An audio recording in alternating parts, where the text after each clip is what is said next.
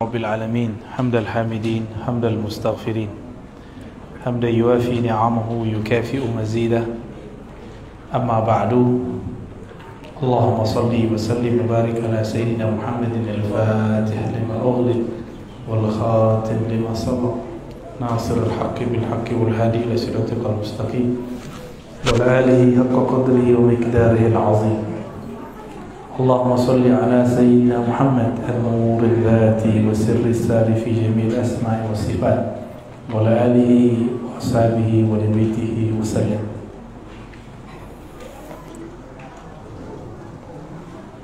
Bapak Ibu jamaah yang dimuliakan Allah Salah satu nikmat pada kita Allah takdirkan kita duduk di saat orang-orang lagi berjalan di luar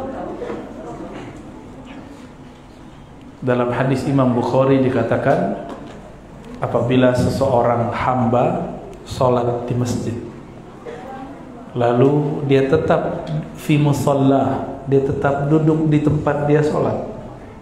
Ini kan tempat kita sholat semua. Maka malaikat rahmat mengatakan Allah marham. Ya Allah rahmati orang yang duduk ini. Dalam riwayat yang lain dikatakan Allahumma salli alaihi Ya Allah sampaikan rahmat keberkahanmu kepada orang ini. Mada fi musalla Selama dia masih duduk di tempat sholatnya. Ini kan tempat sholat kita semua ya? Jadi bapak ibu sadar atau tidak Malaikat dari tadi Itu doa di ubun-ubun kita. Dan mereka Tadi itu datang bertahap Pindah ngasih tahu. Sono ada majelis sana ada majelis. Ya. Tidaklah ada satu majelis malaikat-malaikat mengumumkan kepada malaikat sekitarnya halumma ila hajatikum. Ya tidak ada satu majelis malaikat malaikat nama malaikatnya malaikat sayyarah. Malaikat yang bertebaran di mana-mana tugasnya cuma satu meramaikan majelis-majelis ilmu dan zikir. Semoga majelis kita termasuk majelis yang beridai oleh Allah SWT jadi ini kalau kita dibuka nih mata batin oleh Allah ini gak ada atapnya Pak. Aku ngeliat ke ke atas tuh orang bersayap sampai langit sana. Maka sebagai tanda terima kasih kepada Rasulullah SAW kita kirimkan Al-Fatihah untuk beliau. Untuk guru-guru kita semua orang tua kita dan semua yang hadir malam ini. Semoga Allah membukakan hati kita semua. Al-Fatihah. Alhamdulillah. Bismillahirrahmanirrahim.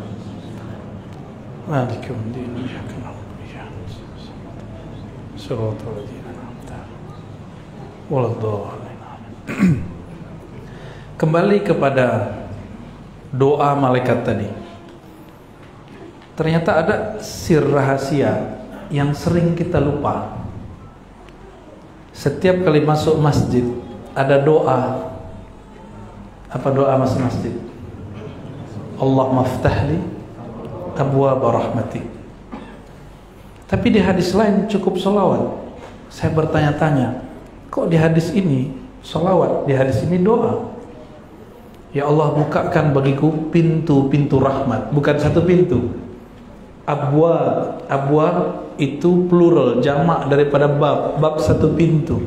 Kalau abwa banyak pintu. Ya Allah bukakan bagiku Pintu-pintu rahmat. Pintu rahmat itu tidak hanya Kiri kanan Itu dari atas Macam-macam. Tapi di hadis lain masuk masjid cukup baca sol, solawat. Saya lama mentafakuri hadis ini. Ternyata pintu rahmat itu adalah Rasulullah Sallallahu.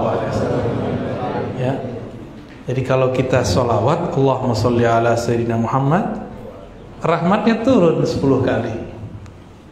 Kalau kita doa, Allah maftahli abu rahmatik, dibuka juga, tapi belum tentu 10. Ya, oleh karena itu ulama kita menggabungkan doa masuk masjid. Jadi jangan lupa masuk masjid baca doa. Jangan selonong-selonong aja ini tempat malaikat rahmat berkumpul. Tidak ada tempat ibadah yang menyembah Allah di dalamnya melainkan malaikat rahmat berkumpul di dalamnya. Jadi kalau masuk tenang dulu sebentar, kaki kanan dinaikkan. Ya, tadi begitu nggak? Main masuk-masuk aja. Ya, belajar, belajar tempat rahmat bercucuran. Rahmat bercucuran dan rasakan kalau hati sudah terkoneksi nikmat rasanya. Maka Bapak Ibu ini kalau zikiran sendiri 10 menit terasa lama.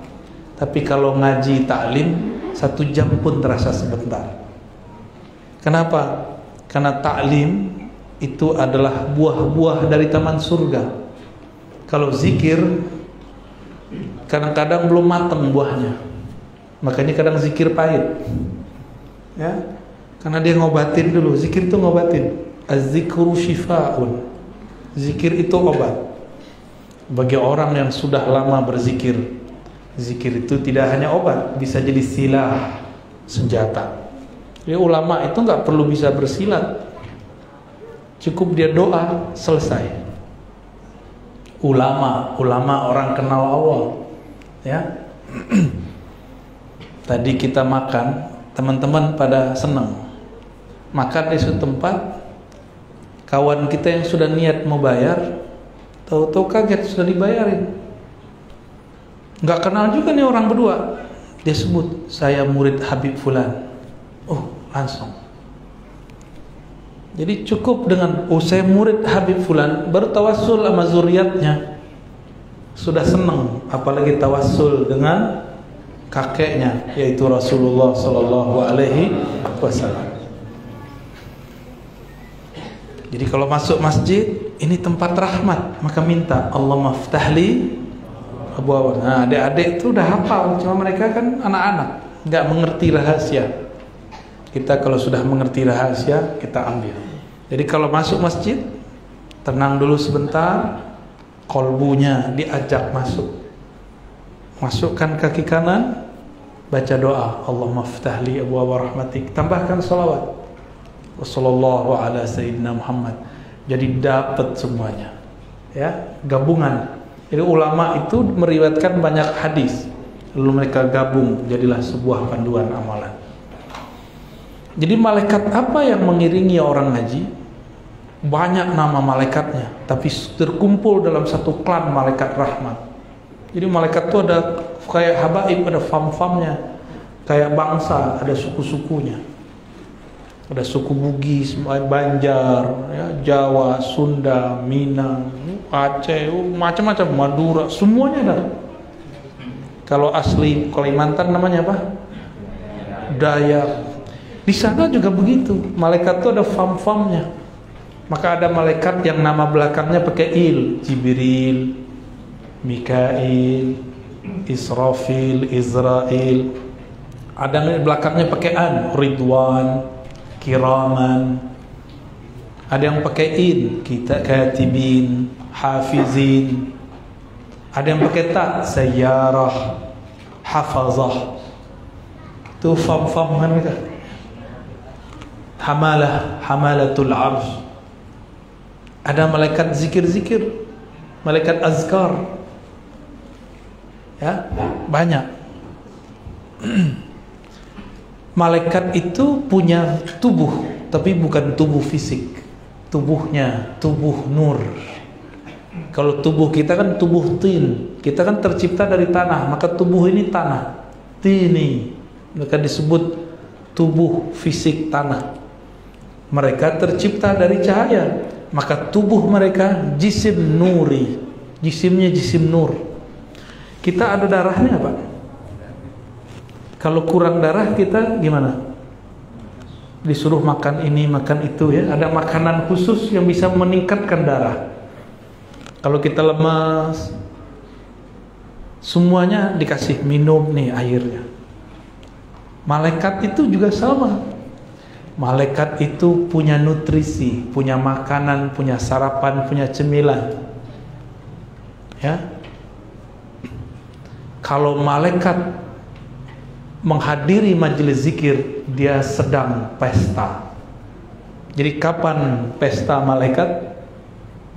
Kalau ada majelis zikir. Di atasnya pesta lagi taklim. Jadi kapan mereka kemudian girang kalau ada tak taklim. Antum ngumpul baca Ritubul Haddad itu malaikatnya senang sekali. Maka orang-orang tertentu yang rohaninya lembut, rohaninya bening, itu bisa merasakan kehadirannya, penciriannya bulu roma berdiri. Pas zikir, ya. Ya qawi ya matin, gitu ya. Ada kan zikirnya? Macam-macam zikirnya tuh. Kalau ratibul atas itu bismillahnya diulang-ulang. Bismillahirrahmanirrahim, bismillahirrahmanirrahim. Itu ada sir, ada rahasia semua di situ. Dan ternyata di setiap huruf-huruf zikir, terutama zikir-zikir Qurani, di situ ada malaikat ribuan yang memikul, yang membersamai lafaz tersebut. Jika dibaca dia hadir. Tapi hati-hati, setan, iblis karena mengenal rahasia itu dia siapkan tentara-tentara malaikat palsu. Inilah yang dijadikan untuk menyesatkan calon-calon wali Allah. Dia lihat kayak malaikat, padahal bukan malaikat. Iblis ini kan dulu pernah jadi pemimpin malaikat di surga. Mimpin, mimpin zikir, mimpin ibadah malaikat di surga. Tapi mohon maaf, imam masjid ada yang sok nggak? Kalau nggak ada saya nggak jadi nih nggak jalan. Majelis nggak jalan. Ada yang ngomong gitu nggak? Saya banyak pak dengar. Yang begitu biasanya nggak mau ikut ngaji sama saya biasanya. Kalau ikut ngaji biasanya itu hilang. Rata-rata nggak mau ngaji. Ngerasa udah alim. Ngerasa sudah cukup dengan rotip-rotipnya. Lah itu rotip kan ditulis di zamannya. Zaman sekarang ada rotip baru. Ada rahasia baru Kan kita belum keluarin aja Pak. Ya. Tahap lah ya. Ada wirid-wirid untuk senjata di zaman ini. Dulu masyayikh kita buat zikir untuk zaman dia. Maka setiap masa ada ulama yang meramu zikir-zikir Quran, Sunnah. Bahkan mereka dapat persetujuan dari Allah secara rohani. Itu dikumpulkan untuk senjata akhir zaman. Kita jangan bilang, oh inti buat jalan baru. Tidak. Al-Habib Al-Haddad, Abdullah Al-Haddad, dia kan juga mengumpulkan yang sebelumnya belum dikumpulkan. Ya. Al-Habib Al-Attas, dia mengumpulkan kumpulan zikir sebelum beliau itu orang tidak berzikir seperti itu. Hasan Al-Banna nulis Al-Ma'surat. Itu kan tadinya sudah ada yang lebih lengkap. Dia buat versi dia sendiri. Setiap wali-wali Allah itu dia punya perbendarahan zikir. Ya. Namun mereka ini tidak mau sombong. Kalau masih ada yang lama pakai dulu, tertambahin dikit gitu. Ya, khawatir umat pada kaget. Jadi saya walaupun saya mengijazahkan di majelis Ratibul Haddar, Ratul Attas, saya punya wirid sendiri, Pak. Yang nggak ditulis di situ ya. Tapi dari Quran juga dari Sunnah juga. Dan dalam pengalaman rohani sendiri kita mendapatkannya. Tentu nggak boleh keluar dari kaidah Al-Quran dan Sunnah. Karena Al Imam Junaid mengatakan ilmuna mukhayyadun bil kitabi was sunnah ilmu kami ilmu zikir ini ilmu ma'rifatullah berkaitan muqayyad nggak boleh keluar dari kitab dan sunnah jadi malaikat-malaikat mereka kalau mau makan, mau minum, mau pesta, apa yang mereka lakukan? Mereka hadir di majelis zikir. Ya. Berarti Bapak Ibu ini kalau rutin buat majelis di sini sudah ada majelis rotib. Ya. Udah rotib apa? belum belum berarti belum punya harus ada rotib sekali seminggu aja malam Jumat atau pagi Jumat atau pagi subuh rotibul Haddad atau Ratibul Attas. Ratibul Attas jarang ya. Hmm, mau nggak ngamalin? Ya. Dia antum bawa kertas kosong aneh jazain ya. Ratibul Attas, amalin tuh itu asrar-asrar basmalah ada di sana. Harus punya wirid. Kata Imam Abu Ali Ad-Daqqaq yang dinukil oleh Imam Al-Kushairi dalam Ar-Risalah Al-Kushairiyah zikrullah itu adalah senjatanya murid senjatanya salik. Itu murid kalau wali beda. Murid senjatanya apa? zikrullah. Senjata kalau di zaman sekarang seperti pistol. Kita punya tujuan nih nembaknya pakai apa? pakai zikrullah. Punya musuh numbanginnya pakai apa? Pakai zikrullah. Itu kalau murid. Kalau wali beda pak wali nggak begitu dia mekanismenya. Kalau wali itu ada musuh nggak mesti dilawan. Kalau bisa jadi kawan nah itu wali itu. Kalau ada orang dendam nggak balas mendendam. Tapi justru kemudian diperbaiki kolbunya itu wali itu orang. Ya kalau murid masih emosi. Ya singgung dikit colek dikit nggak tahu dia saya ini pemegang rotibul haddad. Rotibul atas itu kenapa? Emang si situ udah jadi sakti pakai roti. Ayo coba sini. Ya colek dulu sini. Tumbang paling ya. jangan kita merasa hebat dengan wirid-wirid kita. Biasa aja. Yang bisa bikin kita zikir siapa? Kita doa Allahumma inni ala zikrik. Ya Allah, bantu aku berzikir. Benar. Jadi yang bantu kita zikir siapa? Kalau Allah nggak bantu, antum nggak bisa loh jemput nama Allah. Itu nama Allah lebih berat daripada langit dan bumi. Diturunkan kepada gunung, gunungnya hancur, bergetar dia. Khasyaan mutasaddiat tapi manusia punya chip, punya rahasia di dalam dirinya namanya kolbu. Kolbu ini mampu menampung zikrullah. Maka kolbu itu disebut kolb karena dia elastis. Gak kaku. Orang-orang kaku tidak akan bisa menampung rahasia-rahasia Allah. Jadi gak boleh kaku ya. Gak ada namanya manhaj kaku gak ada. Manhaj kita, manhaj kalbiyah, ruhiyah Kolbu itu ngikutin nama-nama Allah. Maka dia nggak selalu keras, ada lembutnya. Nggak selalu lembut, ada tegas. Ya, nggak selalu nangis-nangis. Ada saatnya suaranya naik, tapi nggak marah-marah mulu. Masa tiap taklim marah mulu? Capek juga kita ya. Kita kan bukan makhluk binatang buas kerjanya marah mulu tiap hari. Kita ini juga ada sisi sisi lain. Ya, Allah itu sisi lembutnya lebih banyak ditampilkan daripada sisi kerasnya. Maka coba lihat setiap surat kecuali satu surat dimulai dengan Rahman, Rahim. Ya, benar. Kenapa Allah tidak menggunakan lafaz Bismillahil Qahar dengan nama Allah yang maha merubah, yang maha perkasa, yang maha menghancurkan. Enggak, Allah nggak gunakan itu. Tapi kenapa orang membayangkan Allah itu tegas? Allah itu kasar, Allah itu pemarah. Jadi bayangan anak-anak tuh karena bapak ini sering marah nyuruh anak sholat. Ya benar ya, ibu-ibu jangan suka marah-marah nyuruh anak sholat ya. Anak itu dia nggak seneng serius-serius amat, bener nggak deh? masih berbingung tuh ya, diajak ngomong gitu nggak connect maka mereka mau ke masjid kita saya udah senang jadi salah satu yang bikin saya senang di masjid ada anak-anak. Mau dia beribuk di luar. Kalau di dalam penting bisik-bisik. Mau dia ribut di luar itu saya senang sekali. Karena anak-anak ini nggak ada dosa. Kita mata nakal dikit dosa pak. Anak-anak nggak ada dosanya. Jangan-jangan kita selamat karena ada anak-anak. Maka dulu kakek dari guru kami, Syekh Taufik Al-Buti, dia punya kakek namanya Mula Ramadan Al-Buti.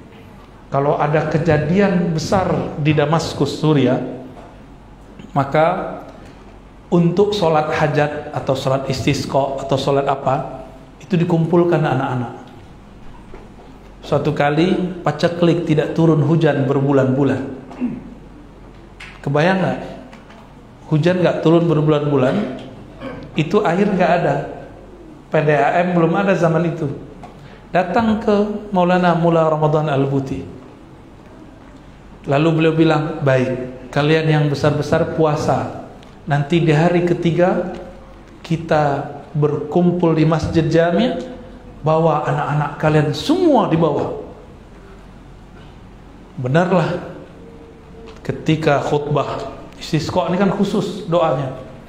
Beliau baru doa, yang pertama nangis bukan bapak-bapak, yang pertama nangis air mata anak-anak turun, hujan langsung turun. Itu anak-anak tersentuh dengan doa. Aki-aki ini namanya Maulana Ramadan Mula Ramadan Al-Buti. Ternyata beliau seorang wali Allah. Doanya mustajab. Dia tahu menjadikan doa menjadikan zikir untuk memanjatkan doa zikir itu senjata. Yang ahli pakai senjata siapa? Bapak bisa main pistol nggak Pak? pistol-pistolan ya? Oh bapak ini jago main pistol kolbu. Nembak orang. Yang jago main senjata siapa? Gak usah senjata pistol lah. Pisau. Pedang. Saya kasih bapak pedang. Bisa ngelawan saya nggak sama-sama kalah kita pak. Karena sama-sama nggak bisa berlatih. Kita mau mukul ke mana perginya ke mana ya cara megangnya nggak bener. Pakai medang begini. Hmm. nyambung nggak kena nggak kuat. Colek dikit jatuh. Tapi ama ahlinya. Nah, orang yang ahli ini sudah pernah berlatih. Dia berlatih berlatih berlatih berlatih berlatih baru dia jadi ahli baru zikirnya dapat menjadi senjata jadi kenapa zikir kita gak jadi senjata karena kita nggak terlatih itu sebabnya saya menyarankan di sini ada majelis zikir rutin terus. Nanti Bapak coba lihat, mungkin awal-awal masih sepi. Tapi kalau sudah rutin, ini ustadznya kan nggak sabar. Jadi ustadz nggak sabar, gimana sih jadi ustadz? Ya. Gimana mau jadi murabbi, pembimbing ruh, pembimbing nafsiyah? Dia aja nggak sabar sama dirinya, gimana mau sabar sama orang lain? Ya, jadi mulai orang mau tujuh orang, mau lima orang, mulai udah bidahin orang biarin. Kita zikir aja pak. Saya pasti terantum dibidahin orang. Ya kita maklum lah ya. Atau ada yang ngomong dia nggak nggak suka bidahin. Hari gini masih rotiban. Ada yang ngomong begitu ya. Kita jalan aja pak dan perhatikan. Nanti orang tambah lama tambah rame rame rame kita nggak berharap mereka rame, kita berharap Allah ridho. Kenapa rame? Itu pertanda malaikat sudah tahu. Malaikat tahu pak. Kalau malaikat sudah tahu dia berkunjung terus. Jadi malaikat tuh lebih disiplin. Kalau bapak ini sudah punya majelis, itu jam berapa, hari apa, dia sudah datang duluan sebelum kita datang. Malaikat yang dulu-dulu, yang dulu hadir. Ntar dia ngabarin lagi ke malaikat yang lain karena mereka ini kecepatannya cahaya, maka dia mengabarkan seperti cahaya. Cepat nyampe. Manusia itu kan ada sisi fisik. Fisik kita ini mengandung dua. Karakter, karakter binatang ternak yang suka syahwat, makan, minum, kawin, tidur. Benar kan? Ini udah pada kawin kan ini? Ya. Makan kan? atau udah nggak butuh makan tuh sama kayak binatang ternak mohon maaf apa yang bedain kita dengan dia binatang ternak nggak ada emosi berarti ada binatang lain sisi kita apa itu sisi buas pemarah ada yang suka marah nggak Hmm? Hari ini bapak dimarahin ibu atau ibu dimarahin bapak? Hmm? Atau kangen belum ada yang marahin Ustaz? Maksudnya apa? Masih jomblo. Baik. ini karakter dua ini kalau ada rumah makan rame tuh, itu berarti karakternya kita sedang merawat karakter hewan ternak Benar nggak rame rumah makannya enak? Itu kita sedang merawat, sedang merawat. Kalau binatang buas tuh cari lawan tuh. Ada sisi lain kita, karakter malaikat. Jadi dalam diri kita ada nur, Nur yang ada dalam diri ini satu jenis dengan malaikat. Dia kenyangnya bukan dengan makan. Dia bahagianya bukan dengan mainan. Dia senang bahagia kalau ada zikir, majelis zikir, majelis ta'lim. Jadi nanti kalau pengurus punya ustadz, ya rutin di sini buat zikrullah. Nanti akan hidup sisi nur yang ada di orang sekitar. Lambat laun Sisi nur yang di dalam diri dia akan hidup. Awal-awal kalau dulu saya masih kecil, kenapa ikut pengajian? Dulu kalau habis pengajian makan-makan.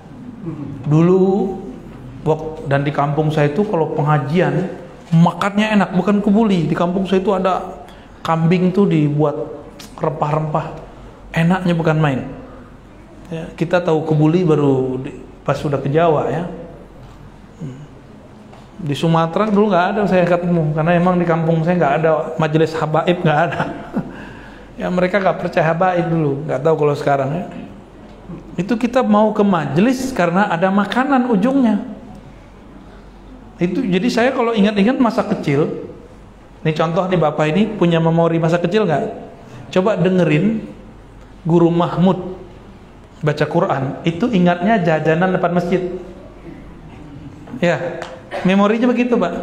Atau dulu ingatnya orang lagi tarawih di masjid kita main petak umpet.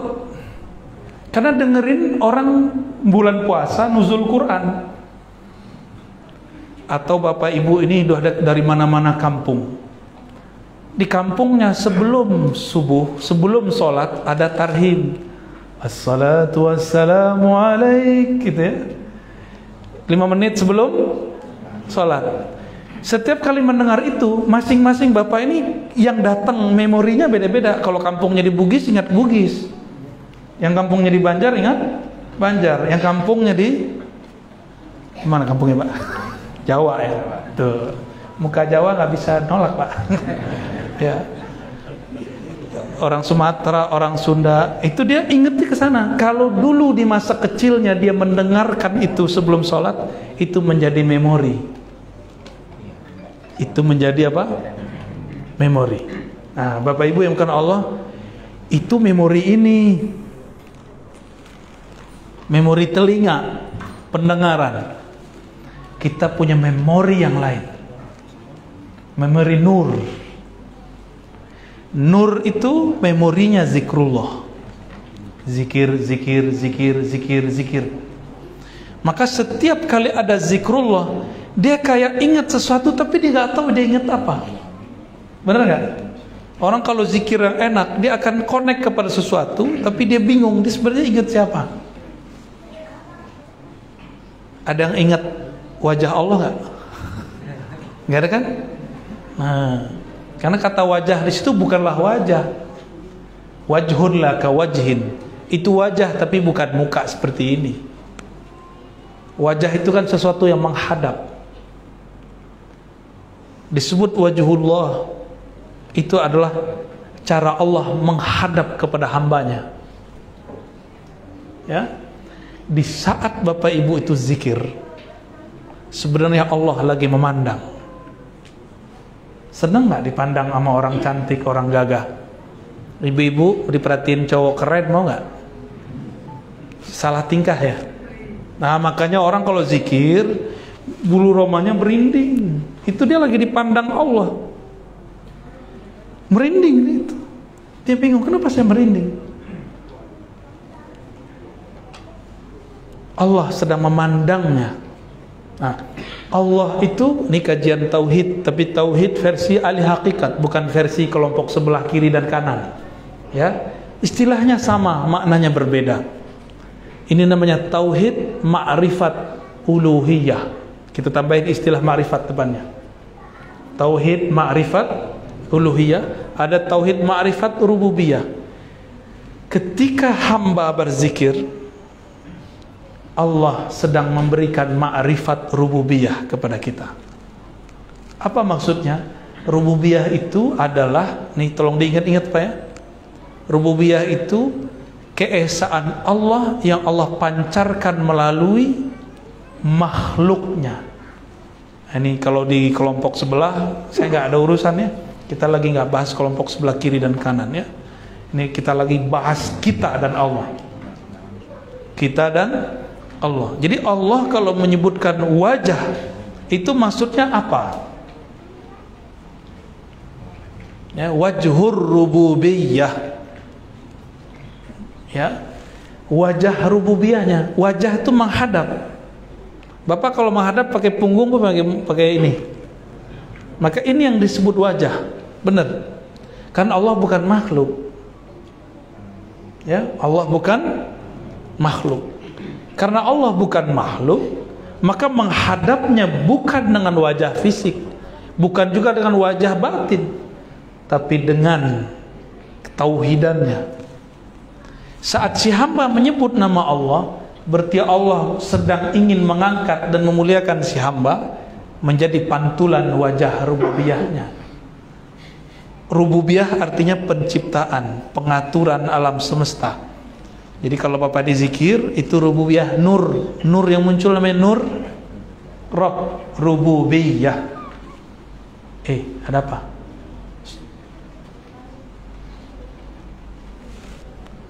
Wajhur rububiyah ada rasa yang muncul kalau orang berzikir dengan itu.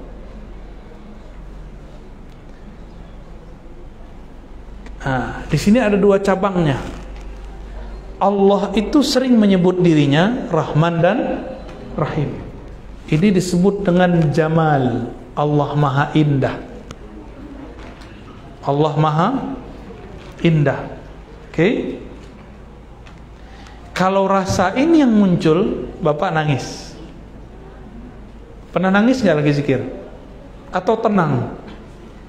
Kalau zikir terasa tenang, adem, itu namanya dapat keindahan dari Allah. Senang nggak dibawa ke tempat yang indah-indah? Senang. Dengerin suara merdu, suka nggak? Suka ya? Itu secara fisik, apalagi secara ruhani. Ruhani kita nyaman sekali kalau mendapatkan cahaya itu. Bapak Ibu kalau lagi gelap, lagi gelap, takut atau senang? Hmm? Ibu-ibu senang gelap apa senang terang? Hmm. Terserah bapak-bapak katanya. Baik. Ini saya nggak ngomong yang bab itu pak, jangan jorok ini yang vulgar ini. Karena kita punya sisi lain ya. Azan ya? Hah? Beda. Kalau kita gelap, kita takut. Sama orang yang tidak ada nama Allah di dalam dirinya, maka kolbunya gelap. Pikirannya gelap. Kalau pikiran sudah gelap, itu namanya stres. Pernah panik? Pernah panik? Ya, Biasanya orang baru beli mobil baru, motor baru, kegesek dikit marah-marah, panik. Padahal kan tinggal dibenerin, Pak. Ya kan? Dia marah nggak marah pasti dibenerin nggak? Tuh, kenapa harus marah-marah? Panik karena kolbu pikirannya gelap. Oke? Berarti harus latihan zikrullah. Kerja kenapa mau berangkat pagi pulang sore. Kenapa? Karena pengen dapat duit supaya bisa beli listrik, teranglah rumah, ya. Benar. Orang kalau kerjanya rajin, dia dapat usahanya, hasil usahanya juga jelas. Sama, prinsip rohani sama. Kalau rajin, bekerja dengan rohani, maka kita akan mendapatkan gaji-gaji rohani. Dap kita kerja dapat duit, senang, benar. Senang dikasih duit? Tuh kan, jujur benar kan? Senang dikasih duit. Rohani ini dapat gajinya. Apa gaji rohani? Ketenangan. Bukan senang, tapi tenang. Mau punya duit tapi nggak tenang. Ini contoh gampang, bapak pakai dompet, duitnya banyak, jalan di keramaian, tenang nggak? Eh, beneran? Ntar ada pencopet. Nah, diumpetin nggak? Nah, ini rahasia pak. Kalau orang punya rahasia zikrullah, pasti diumpetin. Karena bisa dicuri oleh syaitan. Paham? Dicurinya gimana? Dipancing-pancing. Ini cara setan nih, nyuri nih. Pancingnya bisa lewat emosi, Gak bisa lewat emosi, lewat nafsu, nafsu biasa, nafsu rendahan. Gak bisa juga lewat apa lagi? Lewat sesuatu yang kita semuanya senang, yaitu sum'ah wal ujub, pamer, posting, ngomong.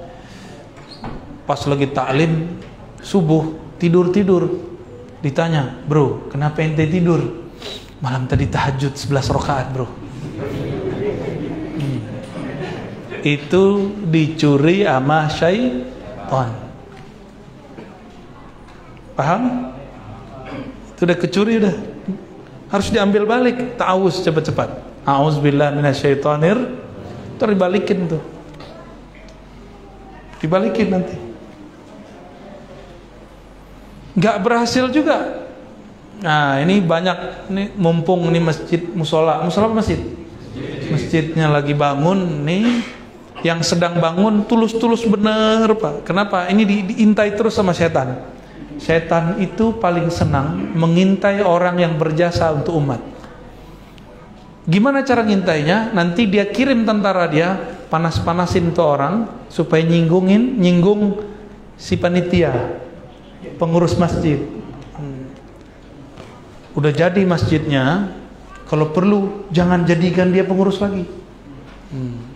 udah nggak jadi pengurus setan bilang bro itu kamu dibuang sama mereka. Padahal kalau nggak ada kamu masjid nih nggak jadi.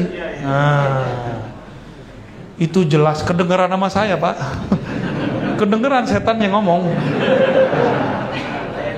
serius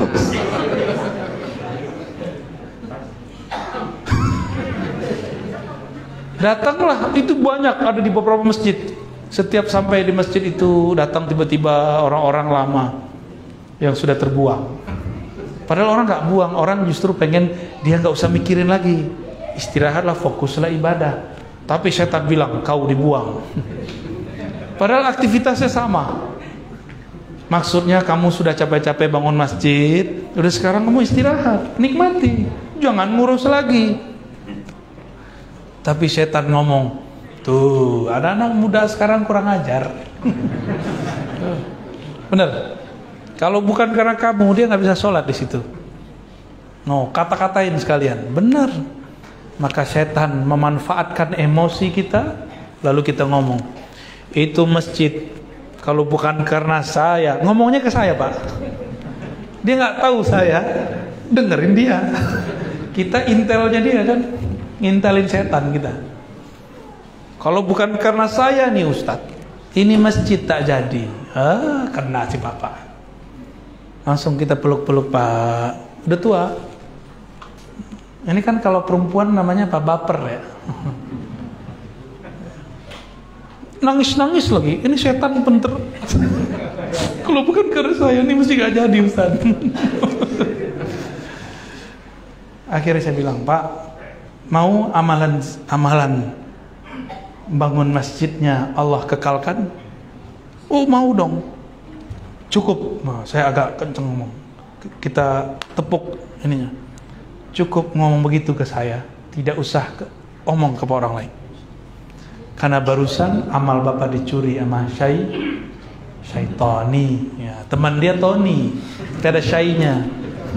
Kalau syainya syai Yaman kan boleh. Syai lillah bapak ibu yang melakukan Allah. Inilah yang harus kita jaga. Jangan cuma rajin menabung zikrullah tapi juga harus menjaganya. Ya. Kajian ini sebenarnya judulnya tazkiyatul qulub pembersihan kolbu. Ya judulnya dikasih di belakang. Kolbu itu dibersihkan dengan istighfar dan tobat. Lalu dinutrisikan dengan zikrullah. Lebih dulu mana? Pasti ada yang bertanya lebih afdol zikir atau istighfar? Bersihkan dulu kolbunya baru isi. Seperti saya saya bersih. Lihat nih bersih apa enggak? Kalau bersih baru saya isi. Bapak Ibu maukah minum sukanya jus apa Pak jus tua namanya doang kan ada namanya ketoprak setan eh? yang makan siapa tuh mbahnya setan senangnya jus apa mas Kan orang Jawa pakai mas. Air putih ya Pak? Loh, ada jus air putih? Oke, ini air putih ya. Kalau di dalamnya ada semut gimana? Mau minum nggak? Mau Pak. Mau. Serius? Waduh, gawat. Ya udah, di dalamnya ada ee. -e. Mau? Yang penting bekas saya ya. Ini Pak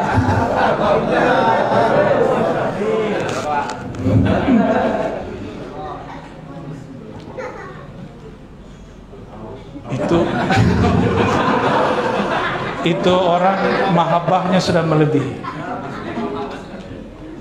ya udah pegang sini nah, saya sudah kenyang pak. Habis ditraktir orang sampai bingung mau makan kapah kalau bapak lain cerita mau nggak di gelas ada lalat terus diminum? Airnya bersih lalatnya menjijikkan. Pernah saya makan gulai, gulai namanya kepala kakap. Udah seneng nih, tahu-tahu ada rambut. Jadi nggak nafsu makan, Pak. Ya, oh saya lagi kenyang, pura-pura kenyang, padahal nahan hati. Ya. Ada perasaan gak nyaman. Kalau di kolbu masih ada sesuatu kotoran, itulah yang membuat kolbu tidak dapat menikmati zikir apa pun. Oleh karena itu harus belajar cara membersihkan kolbu. Caranya istighfar kolbiyah. Di kolbu itu ada noda-noda. Catat dalam hati. Pertama syirik. Orang Islam kan nggak ada yang syirik. Cuma ada orang Islam nuduh kita syirik pak. Benar ya? Bapak kan suka rotiban. Oh ada tawasul dianggap dia masih syirik. Dia nggak tahu arti syirik itu apa, tawasul itu apa. Dia punya bayangan tawasul itu nyembah selain Allah. Jadi dia buat definisi sendiri, terus dia kafir-kafirkan sendiri. Padahal istilah itu bukan istilah dia, jangan buat-buat istilah sendiri. Coba ketoprak setan itu isinya apa? Ketoprak kan namanya ketoprak setan sama kayak hotdog. Emang itu ada dog di situ? Ada dog nggak di situ? Ini adik-adik ini suka hotdog kan? Gak tahu kali dia hotdog ya. Hmm. Hotdog itu artinya apa? Anjing hot. Ya. Anjing panas. Tapi isinya anjing nggak? Enggak. Kalau orang makan dia bilang anjir lo gitu ya. iya, dia lagi kesel sama orang. Tapi isinya nggak ada anjingnya, Pak. Makan begitu haram nggak? Hmm?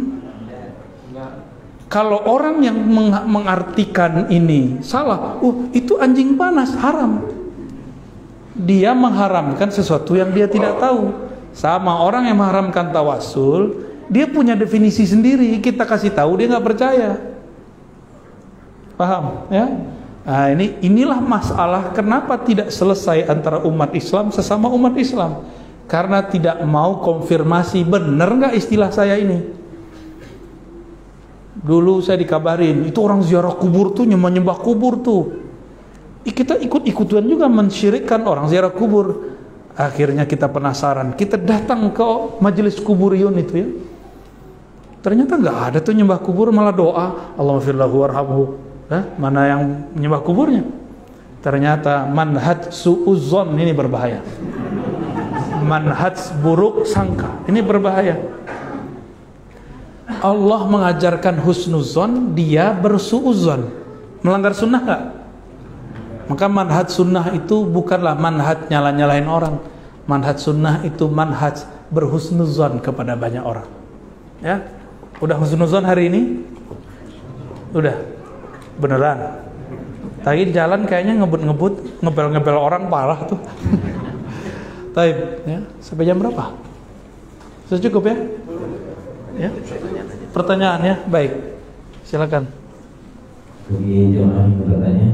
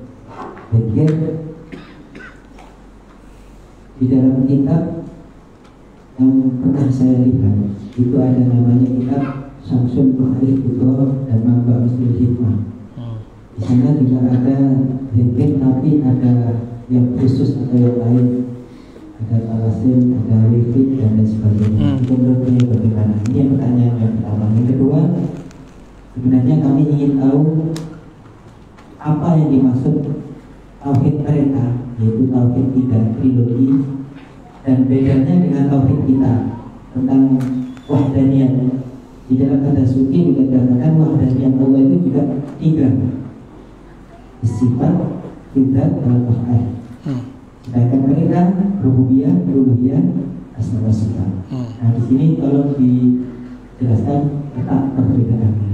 Oke. Terima kasih. Borong nih, Ustaz. Borong bener ini ya. Itu yang pertanyaan kedua saya jelaskan di majelis setelah ini ya. Ya.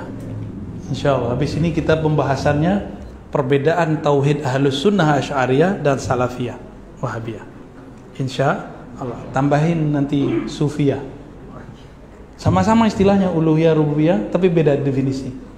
Dan nanti antum lanjut ke sana ntar ya. Sedangkan yang pertama tadi tentang kitab apa? Syamsul Ma'arif karya Imam Al-Buni. Kitab ini tidak diperkenankan untuk dipakai kecuali orang yang langsung talaki dapat ijazah dan ngaji kepada ahlinya. Karena wifik-wifik ini kalau nggak jalur wali Allah pasti wali setan. Walaupun kitabnya ditulis waliullah. Al-Buni kan waliullah. Dia sezaman dengan Ibnu Asakir ahli hadis. Lalu disebutkan dalam kisahnya itu, begitu juga Ibnu Tahir As-Silafi. Beliau ini ditanya oleh Ibnu Tahir As-Silafi dan teman-teman ahli hadis. Eh, Al-Buni, Anda ini kok ngomong yang aneh-aneh? Kata beliau, enggak, saya nggak ngomong aneh-aneh. Semua yang saya bicarakan asrar Quran. Ternyata dia difitnah. Maka sudah jadi tabiat sunnatullah. Siapa pun yang memegang ilmu Imam Al-Buni pasti difitnah. Maka antum tinggalkan dulu Ustaz. Karena nggak talaki kan, cuma baca aja kan.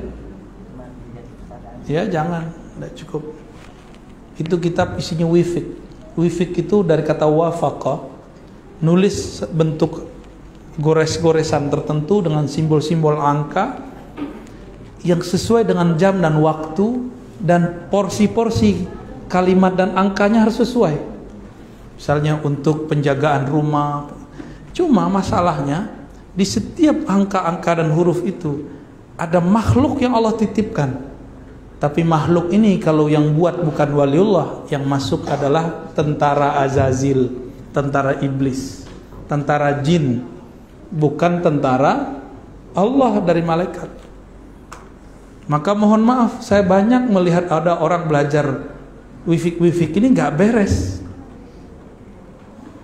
Nggak beres, rata-rata nggak beres. Karena dia nggak nggak belajarnya ke waliullah. Terus lewat kitab yang diterbitkan, yang diterbitkan tuh banyak salahnya. Karena itu salah satu huruf itu repot nanti ke sananya. Mesin salah satu baut gimana? Hancur nggak? Hancur pak. Salah sekian mili rusak dia. Inilah yang bikin santri-santri aswaja banyak jadi begini. Dia kira mau jadi sufi, terjebak kepada kebatinan, itu namanya kebatinan. Ilmunya ada. Karena ma'rifatullah itu dan ma'rifat ghairillah ada pada huruf dan angka. Simbol-simbolnya. Simbol-simbolnya ada di huruf. Makanya kalimat-kalimat yang paling dahsyat di Quran itu ada pada huruf-huruf. Bismillah ada pada huruf ba, ada pada titik. Albuninya nggak ada masalah. Cuma kalau ada orang nggak punya sanat nyambung kepada beliau, dikhawatirkan nggak ini. Cuma dapat ijazah am, nggak usah ngamalin. Ijazah umum nggak usah. Dia harus bab per bab dia ngaji kepada gurunya.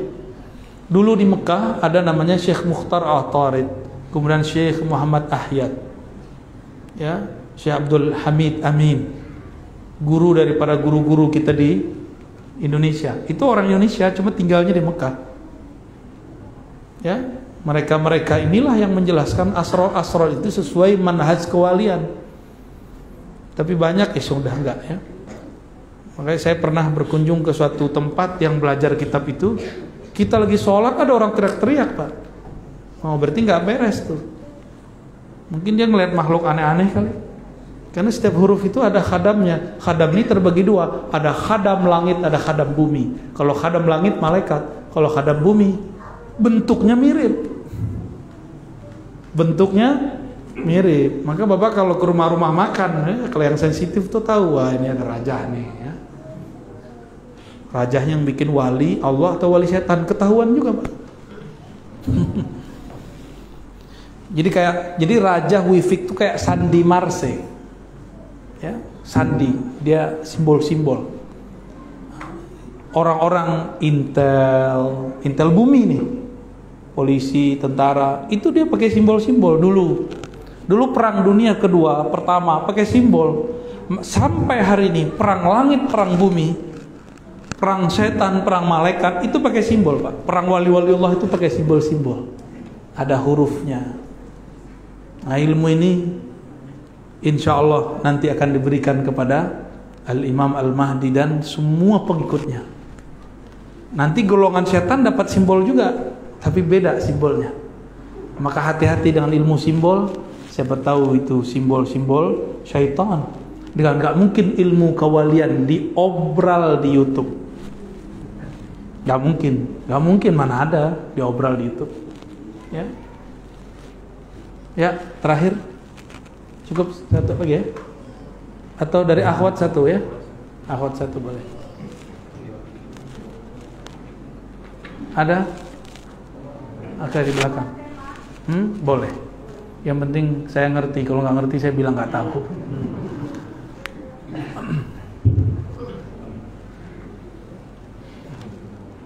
Assalamualaikum warahmatullahi wabarakatuh. Assalamualaikum Mungkin ini Jamnya telat ya? tema ya Pak telat Ini saya bertanya untuk meyakinkan hati saya hmm. karena lama sudah dilema di hati saya.